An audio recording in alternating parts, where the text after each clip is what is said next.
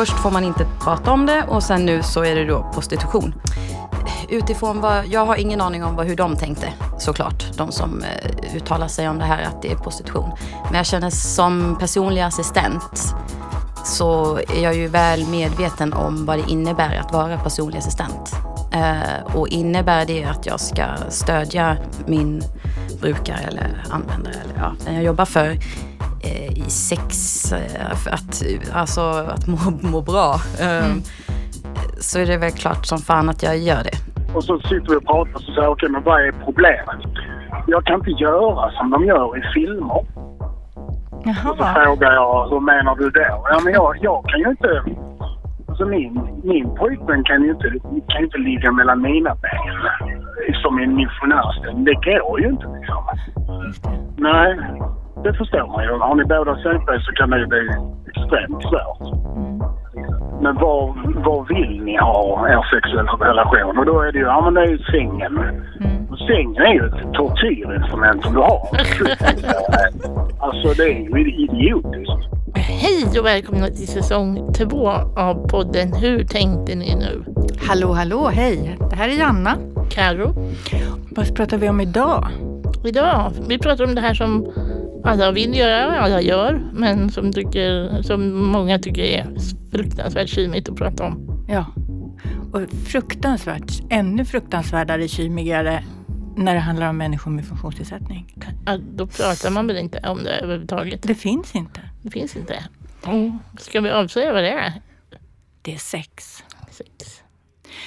Sex eh, som alla tänker på, alla, nästan alla gör, Mm. men inte pratar om. Men sen är det ju det här med att eh, ha en funktionsnedsättning och eh, ha en, dessutom eh, ha, vara användare av assistans som du. Precis. Och då är det det här med sex som grundläggande behov. Finns det? Nej, jag skulle ju säga att det borde ju göra det, men jag vet inte sjutton om det faktiskt gör det. Du har aldrig varit med om att en tjänsteman från Försäkringskassan frågar om du får ditt grundläggande behov sex tillfredsställt?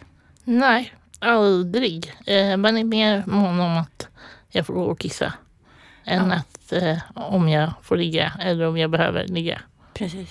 För du är ju ett objekt Ja. och inte ett kön. Ja, sånt håller man inte på med om man använder rullstol. Så sex är ju ett spännande tema, tycker vi. Och lite skämmigt och jobbigt och svårt att prata om. Och framförallt så att det inte pratas om det heller, som vi sa. Att vi kände väl ett behov av att lyfta frågan. Det kom ett mejl till eh, DHR för ett tag sedan. Och eh, jag nobbade det ganska snabbt. Eh, och det var från eh, produktionen Första dejten. Man ville ha folk från alla håll och kanter och undrade om vi kunde sprida det. Eh, att eh, få in fler deltagare även med funktionsnedsättning. Och eh, ja, det blev ju sådär, ah, det där får man ju i parti och minut och det brukar inte så, men så läste jag det igen och jag diskuterade det och då såg jag att det var ju inte riktigt så som jag hade läst in det först, det vill säga med mina fördomsglasögon. Vi har ju en hälsosam skepsis Mm. av tidigare sk- skäl gentemot olika. Ja, så Program. att eh, då eh, gjorde jag så att jag kontaktade den killen som hörde av sig och sa att visst, vi sprider det här på Facebook. Men vi är lite nyfikna ändå på hur, hur det egentligen är tänkt.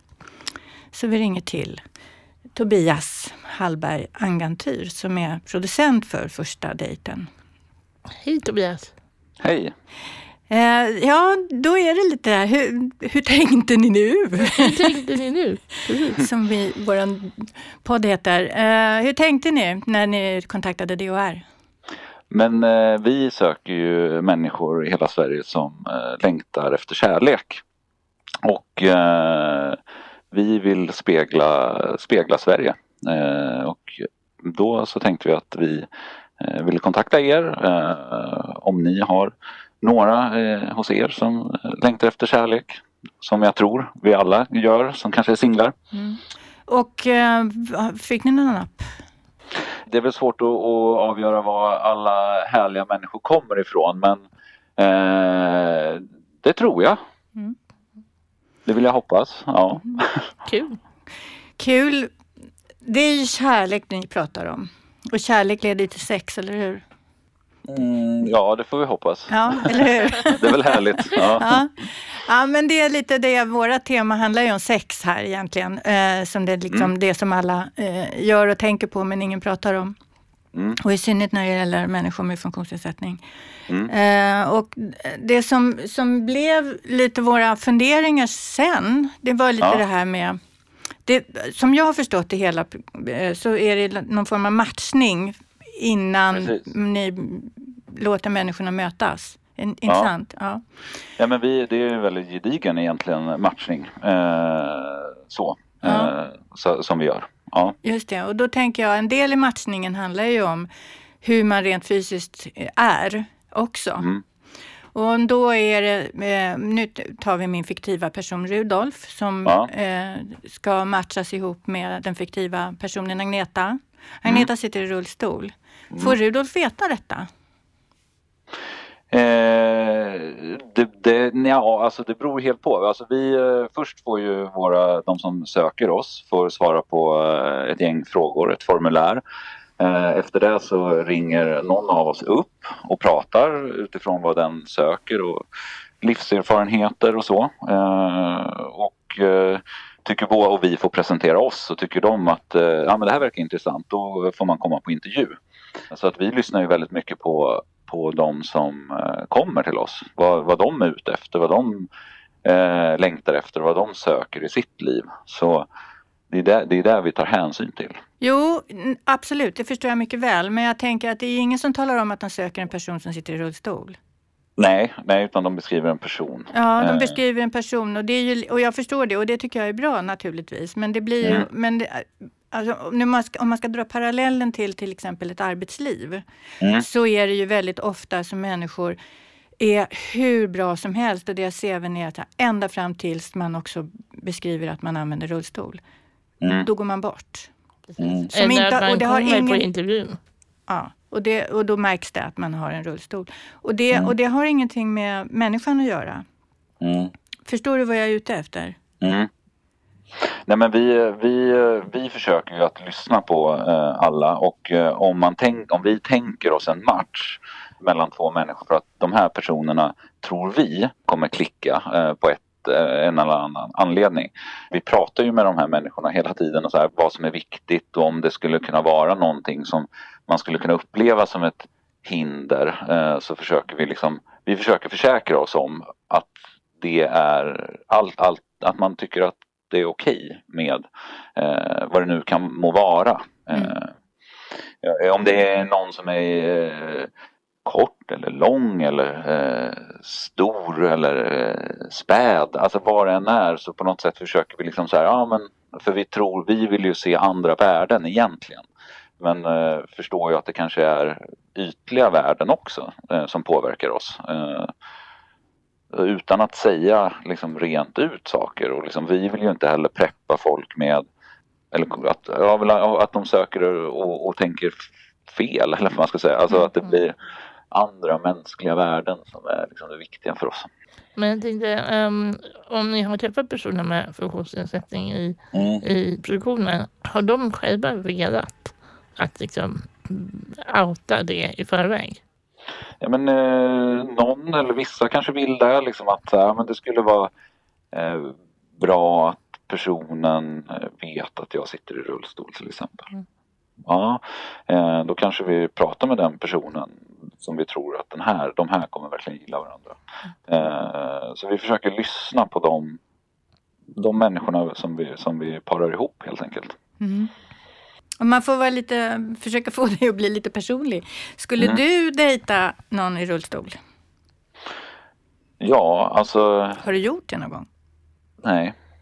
Nej men jag är ju gift sedan eh, tio år tillbaka. Om min fru skulle vara med om någonting och hamna i rullstol ska jag liksom bara, bara ja. Det blir så. Ja, men det är en sak. Det, det har vi faktiskt resonerat kring det där. Det är en Ja. sak att, att man har, eh, har mötts i ett eh, annat skede i livet och sen händer saker. Och, Mm. mm, man, då, då, jag menar, det är ju mm, inte samma sak som att man börjar i en relation där man har Mm. de förutsättningarna. Det är två, Mm. två olika saker, tänker jag. Mm. Eller hur? Ja, det, ligger Ja men det, det, har, det, ja, men det har ni, det är helt sant. det, det, det, det finns ju också en hel del förutfattade meningar om hur, Mm. hur människor som använder rullstol är och, och vad, vad det innebär som jag Ja, men tror det- också Jag förstår, men det är det som jag, människor.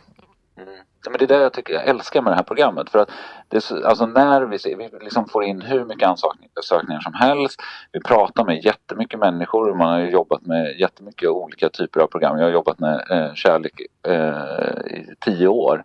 Alltså hur lika vi alla är. Och liksom när man liksom pratar med människor vad vi är lika och vad vi längtar efter saker och söker.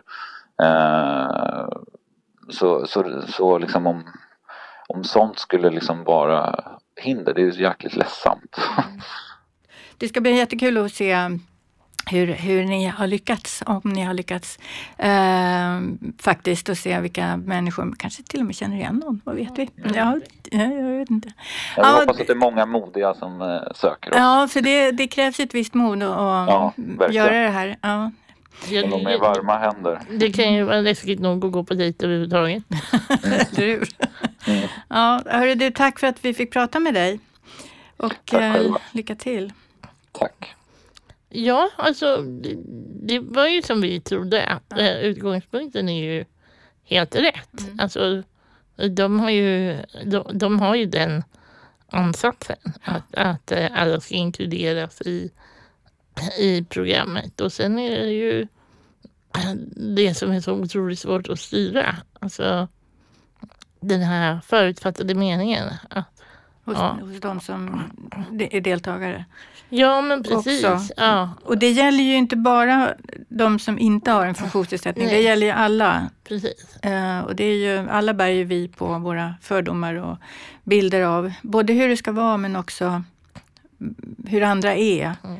Men jag har ju pratat mycket med mina eh, vänner eller kollegor om, om just det här både i, i sammanhang av eh, arbetsrelation och i andra sammanhang. Så här ska man, eh, är det någonting man berättar eller inte? Och det är ju väldigt, väldigt olika. Många är ju så här, nej men varför ska jag säga det? Det finns ingen anledning. Det är inte det som är avgörande. Medan jag personligen själv är mycket mer öppen med förutsättningar. Just för att jag inte dels vill ha människor som har eh, någon typ av weird fetischism på gång som jag inte orkar hantera och förklara att jag inte är intresserad av.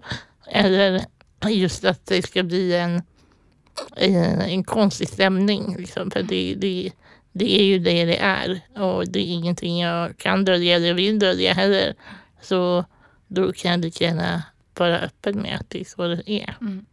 Men det som jag tycker är någonstans utifrån det vi har pratat om och det jag har pratat med andra människor som använder rullstol också är att man första, nästan alltid för, får så småningom eller med en gång frågan Hur gör ni? Mm.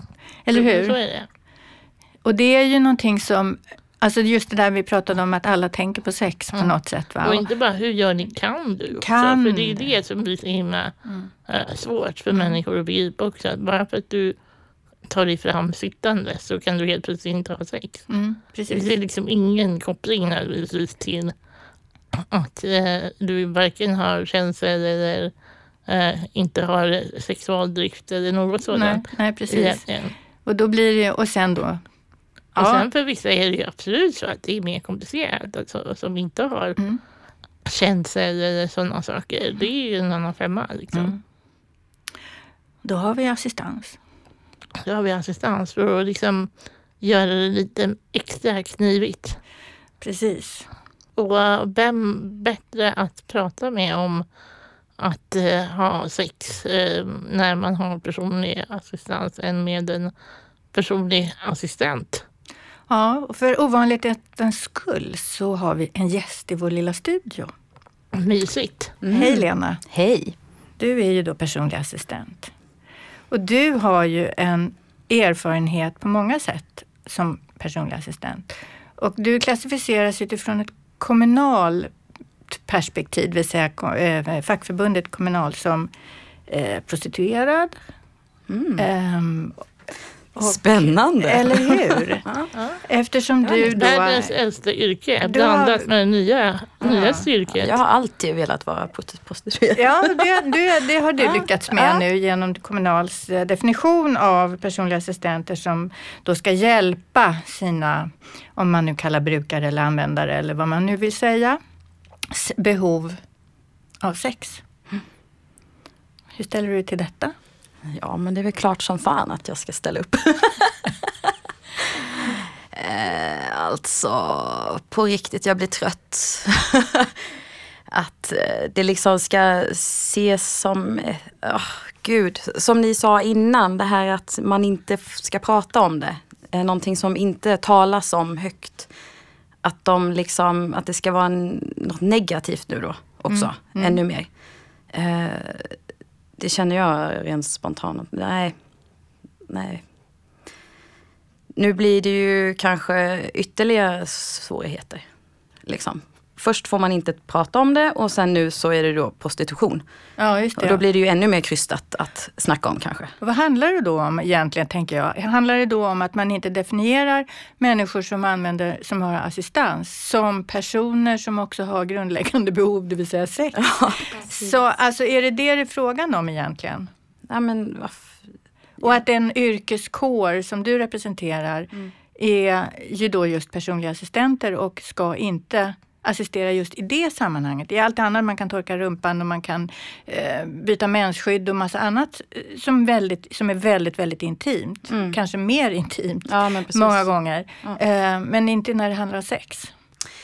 utifrån vad, jag har ingen aning om vad, hur de tänkte såklart. De som eh, uttalar sig om det här att det är prostitution. Men jag känner som personlig assistent så är jag ju väl medveten om vad det innebär att vara personlig assistent. Eh, och innebär det att jag ska stödja min brukare eller användare eller ja, den jag jobbar för eh, i sex, eh, att, alltså att må, må bra. Eh, så är det väl klart som fan att jag gör det, känner jag. Så. Eh, annars hade jag inte sökt det här jobbet. Nej. Så. Fast det kanske är det att, jag menar, som, precis som vi sa innan då, att det är lite skämmigt och förbjudet att prata om oavsett. Att man inte tar in det i, i sin tankevärld om man söker ett sådant jobb, att det är också det som det handlar om. Och att man tycker att det är lite jobbigt ändå. Alltså man kanske är väldigt pryd. Men kommer vi inte tillbaka till då egentligen vad, vad, eh, vad vi har pratat om egentligen i tidigare program? Att det handlar mer om hur man ser på eh, yrkesrollen personlig assistans. Alltså vad är det man ska göra? Vad, är, vad är assistansen till för? Vad ska den leda till och vad, vad är det man ska kunna göra som människa? För att eh, alla som vill har ju sex nästan, måste man ju förutsätta. Vissa har ju kanske inte det av en, ett eller annat skäl. Men valet är ju oftast ens eget om huruvida man vill eller inte vill. Och om man då har en funktionsnedsättning och vill ha sex så är inte det egentligen mer märkvärdigt. Eh, sen att det behöver finnas någon typ av... Mm, man, man vill ju hellre som uh, användare eller om man har personlig assistent eh, inte att assistenten ska föra illa heller. Det ligger ju inte i, i mitt intresse. Jag skulle ju inte heller må bra om jag nu behövde hjälp under tiden jag hade sex. Att den här personen mår dåligt. Nej. Då skulle inte jag kunna ha bra sex. Nej, precis. Alltså det skulle ju bli jätteknasigt och, och, och, och på något sätt tvinga någon. Alltså det, det, det skulle ju aldrig funka. Men precis som du säger där så är det ju samma för mig. Ska vi avslöja att jag jobbar för dig Karo eller? Jag vet inte. Det kan väl bli någon typ av jävsituation då, i den här Ja, historien. samtidigt som, som jag förstår att nej du vill ju mig väl. Alltså jag vill ju att du ska må bra. Och jag vill ju att självklart om du vill ligga eller om du behöver få dina behov eh, uträtta eller vad man säger liksom. Det är klart som fan att jag ska stötta dig i det. För alla har väl någon gång kanske varit sexuellt frustrerade liksom. När mannen har inom situationstecken ont i huvudet. Liksom. Och, och då vill ju inte jag att du ska ha den känslan heller. Alltså, Nej. så. Sen så kanske inte jag skulle ligga med dig. Utan då får vi ju komma fram till, ja men hur kan vi göra för att det här ska funka för oss båda då liksom. Att det ska kännas okej och, och Precis. ja.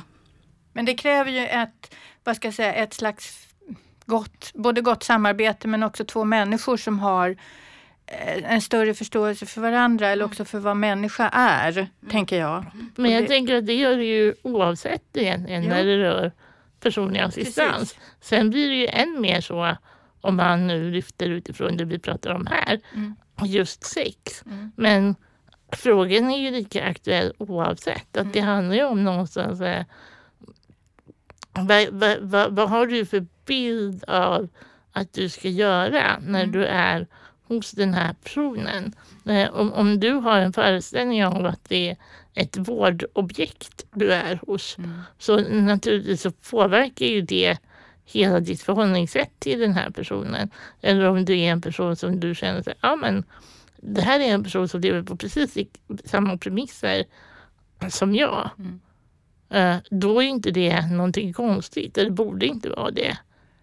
Sen som sagt, det är ju kanske inte alla som har en relation där man har, är, är så pass jämlika.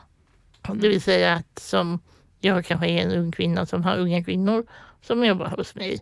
Och, och där den här frågan kan vara svår. Men jag tycker att det är ganska ansvarslöst att lämna den helt därhän.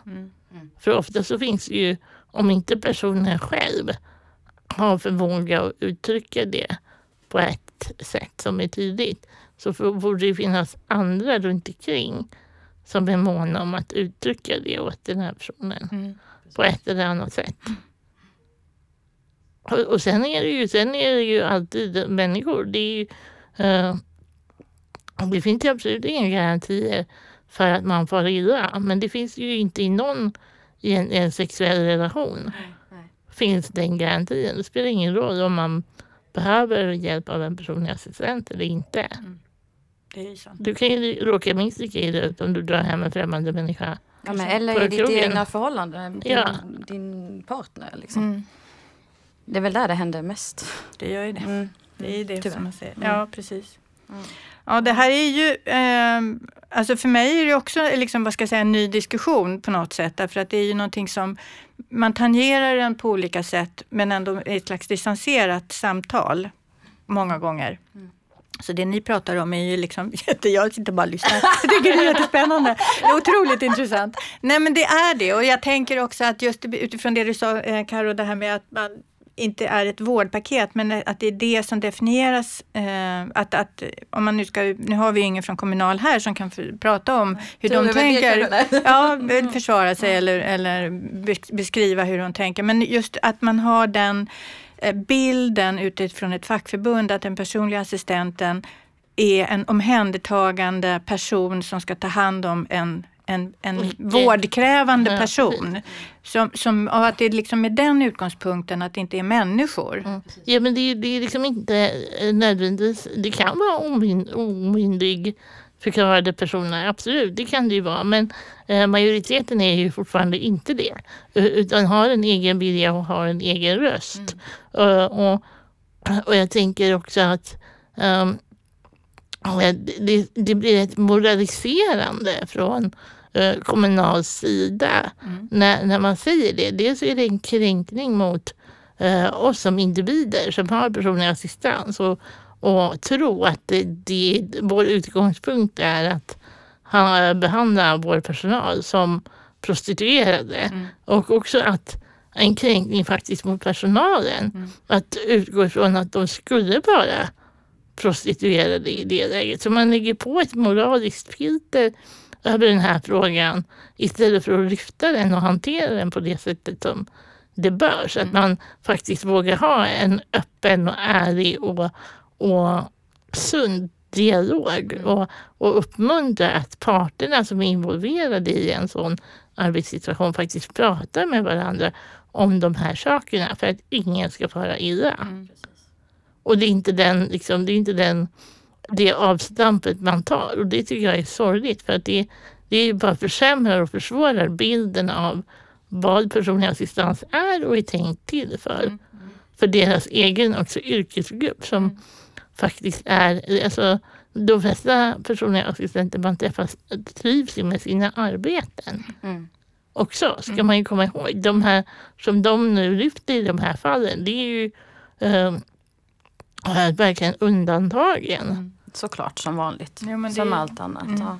Och, och, och, det blir också en väldigt skev bild. Att ja. det är liksom, jag, jag, tror inte att majoriteten av personliga assistenter far, far illa eller ser sig som prostituerade eller sexuellt utnyttjade på sina arbeten.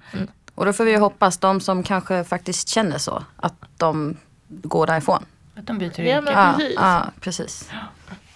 Och att man hanterar den situationen och tittar på vad beror, mm. vad beror det här på? Vad, vad är orsaken? Är det för att det är dålig kommunikation eller är det en person som tar sig friheter som den inte har sig rätten att ta? För mm. återigen, vi representerar ju, vi finns i hela befolkningen. Det är mm. klart att det kommer finnas ett arsle till, till människa som tycker att det är helt okej att sexuellt utnyttja människor som behöver personlig assistans. Mm. Så är det ju. Det kommer bli så, och eller om det inte är så redan. Men det är ju en helt annan femma och behöver hanteras på ett helt annat sätt. Ja, och då är det, ja, och då är det en större fråga. En, ja. an, en, liksom en helt, som inbegrips i allting annat som handlar om övergrepp och, ja. och så vidare. Så det är ju, ja.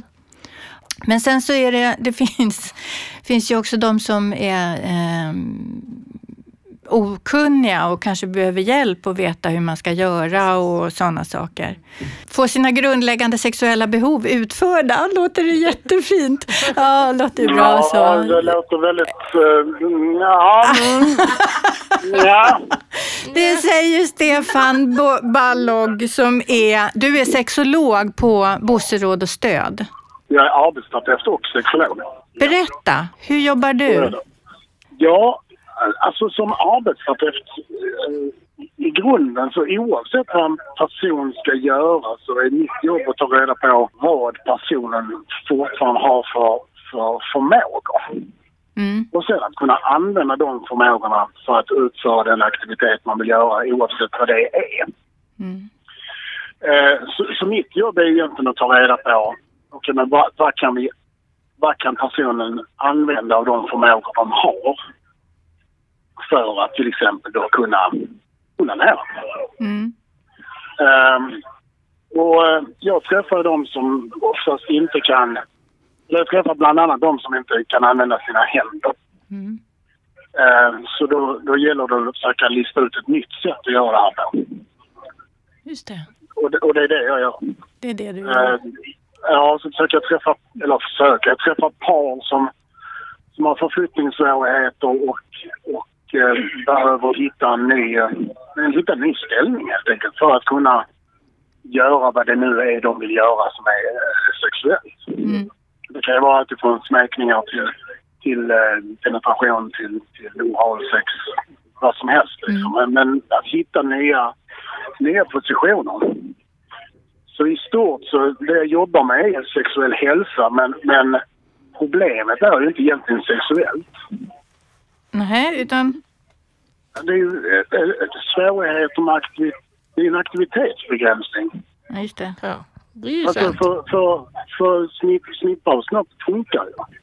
Ja, ändå ja. Och de, och, de, och de vill ju ha en sexuell relation med sig själv eller andra. Så det är inget sexuellt problem egentligen, utan det är vägen dit som är problemet.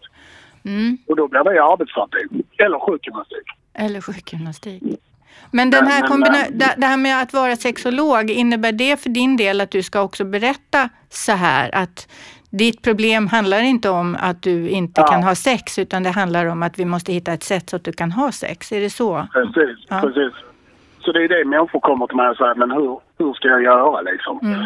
Och då brukar jag fråga från början, men jag måste ju utgå ändå för att fråga de sexologiska frågorna om alltid om om det är någon smärta eller om det fungerar.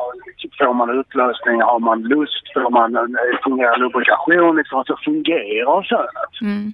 Och i 99 procent av fallen så, nej men det är inget problem. Okej, okay, så inget sexuellt problem alltså. Och sen går man in på vad det handlar om. Mm. Och de brukar ju vara lika förvånade som alla andra. Jaha. Ja. Aha. För att det funkar eller därför att, det, att de inte har några, egentligen några sexuella problem utan att de är fysiska? Eller vad är det som man blir Ja, förvånad alltså, över? Nej, men man blir förvånad över att, att först är det ingen, det är ingen annan arbetsterapeut, sjukgymnast, läkare eller någon sjuksköterska som har tagit upp ämnet. Nej. Så därför blir man ju låst i att då måste det ju handla om sex eftersom det är ingen som har pratat om det. Ja, det. Och så bär man ju det med sig och sen så träffar man då till slut kanske mig och så säger man jag har en fråga om sex. Och så sitter vi och pratar och så säger okej men vad är problemet? Jo men jag kan inte jag kan inte göra som de gör i filmer. Och så Jaha. frågar jag hur menar du då? Ja men jag, jag kan ju inte Alltså min, min pojkvän kan ju inte, kan ju inte ligga mellan mina ben som en missionärställning. Det går ju inte liksom. Nej, det förstår man ju. Har ni båda CP så kan det ju bli extremt svårt. Mm. Hallå? Ja, vi lyssnar. Ja. Ihärdigt. Ja, väldigt Eh, intressant det här. Och det, är någon, och det är någon annan som ringer mig också. Ja, så så då, blir, då blir samtalet, brukar då handla om okej, men vad, vad vill ni ha er sexuella relation? Och då är det ju, ja men det är ju sängen. Och sängen är ju ett tortyrinstrument som du har. Alltså det är ju idiotiskt. Så, så då bryter vi ner, vad det, då bryter jag ner det i delar. Liksom. Okej, så kan du förflytta dig till sängen? Ja, men det kanske går. Okej, men hur är det i sängen? Nej, men det går inte alls. Nej, men då tar vi bort sängen. Gör det någon annanstans. Mm. Men det är inget sexuellt problem. Ja, det är jättespännande faktiskt. Det är jätteroligt. Vi sitter här som tända ljus alla tre och lyssnar på dig. Jo, men, men- det är för, ja, men också det blir så himla det, är väldigt fascinerande. enkelt. Ja, men vi, precis. vi, alltså gående personer, Ja, vi tänker ju inte aktivt på hur vi ska förflytta oss från, från hemmet till jobbet. nej. För det enda vi gör är vi sätter på oss våra skor och sen går vi ut genom dörren. Vi funderar inte på trottoarkanter som är nerfasade, om hissarna funkar eller, eller, om, eller om jag kan komma på tåget. Förflyttningen är liksom, den, är en eh, den är automatisk del av våra liv som vi inte funderar på. Så därför när, när människor, när det kommer till sex och funktionsnedsättning så ser vi inte svårigheten med förflyttningen. För vi har ju ingen svårighet med förflyttning. Nej, just det. Så när någon säger sex, då tänker vi på akten. Just det. Det är precis så. Vi, så vi gör det svårt för oss själva. Mm. För att det är ett jobbigt ämne att prata om. Vi vet inte hur vi ska prata om det. Men det är faktiskt enklare att prata om det än, än om hur man gör kaffe bäst.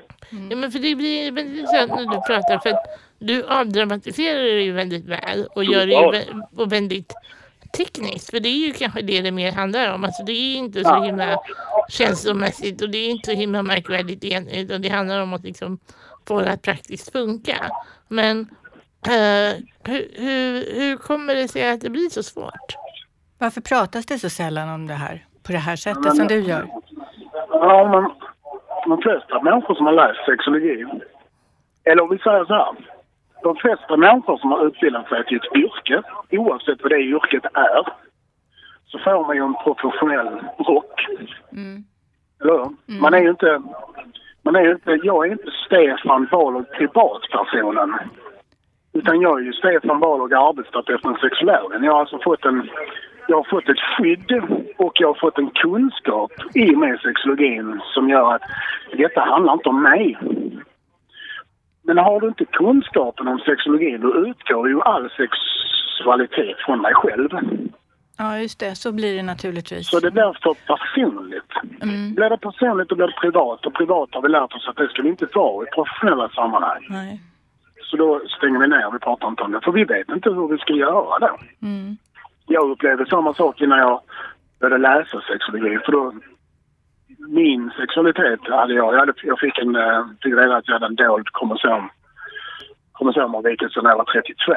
Mm. Eh, och det ställde allting på ända för mig i, i hur jag skulle, skulle, var jag man? Eh, skulle jag fortsätta vara man eller kunde jag välja att vara något annat? Mm.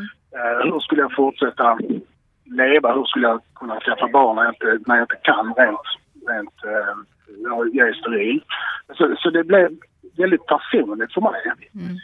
Då tänkte jag det kan inte vara så unikt. Det kan inte vara så unikt i världen att det är bara jag som upplever det här. Och det, så var det ju inte. Det var ju hur många som helst som hade upplevt det här. Mm.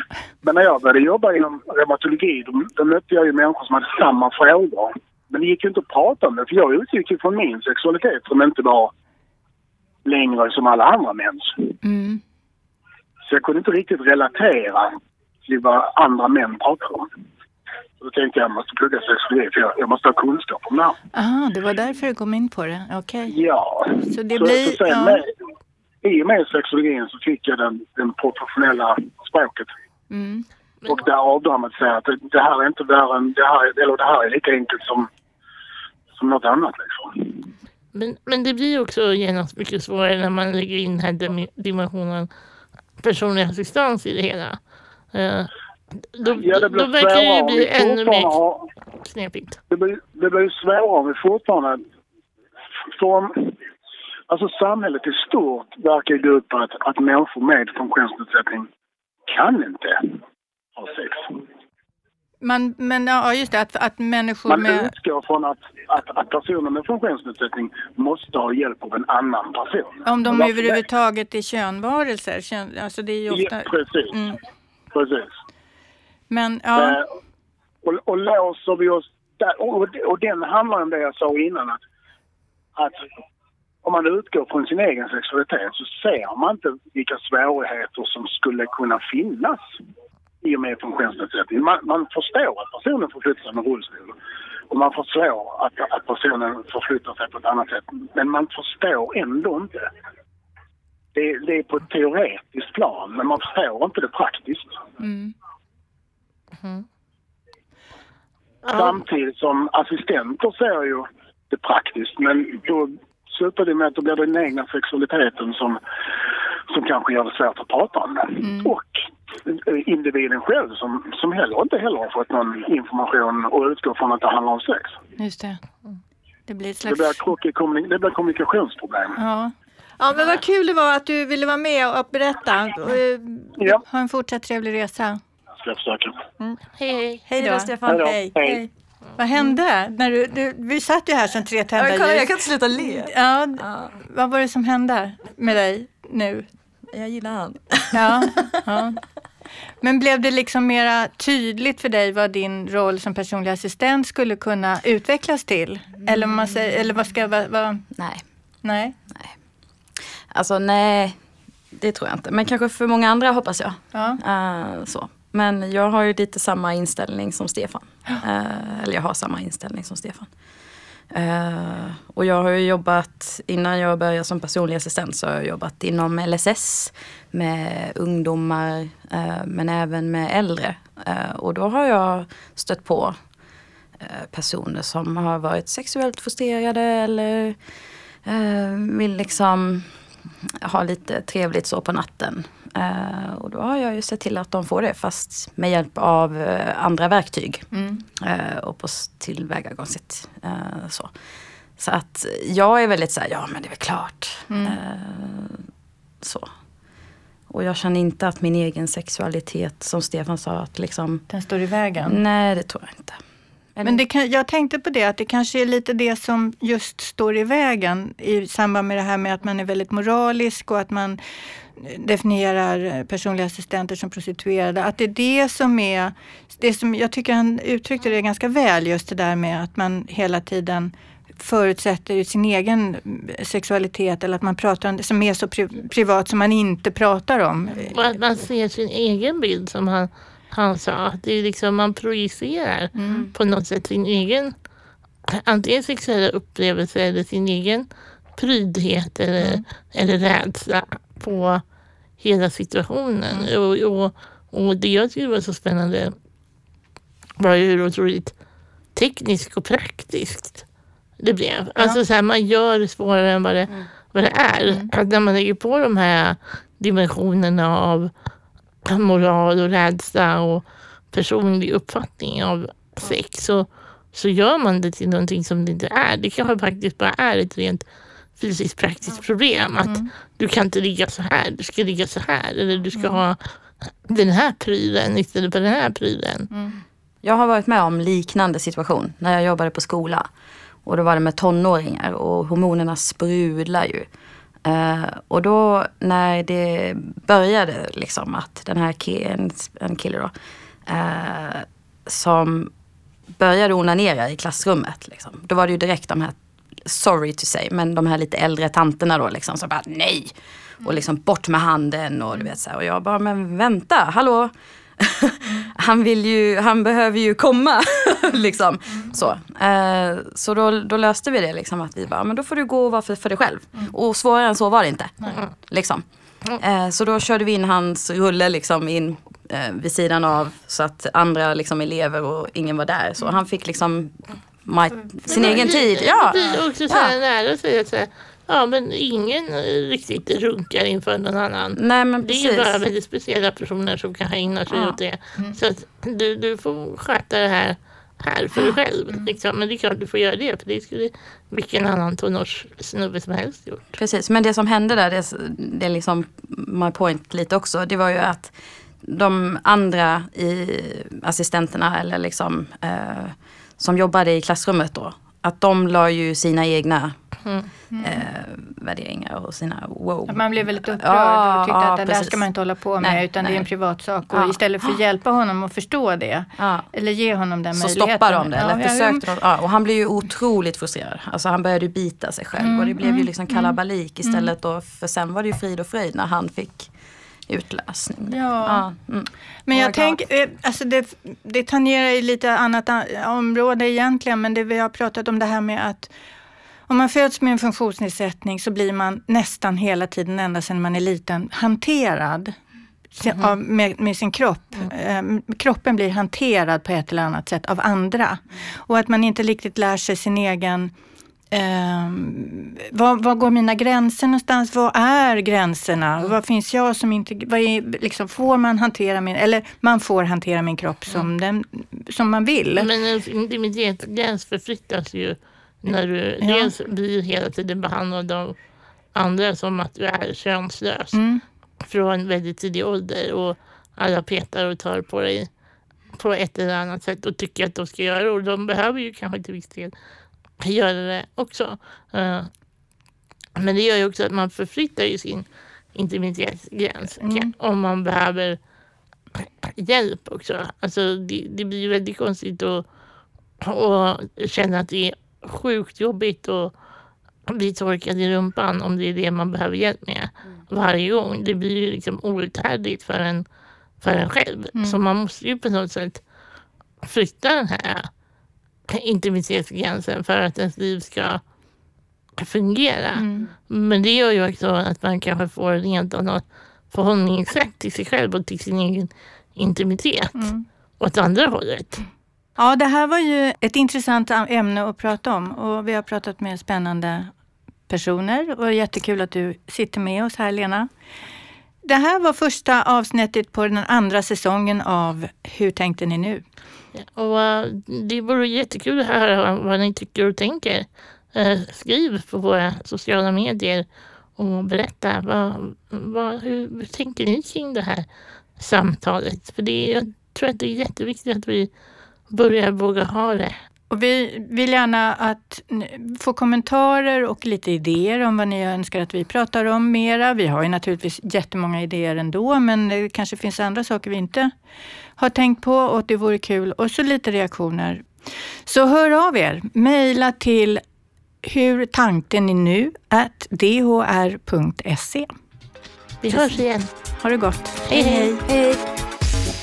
Hur tänkte ni nu? är en podd från DHR. Ansvarig utgivare Janna Olsson. Hur tänkte ni nu produceras av Filt Hinterland för DHR.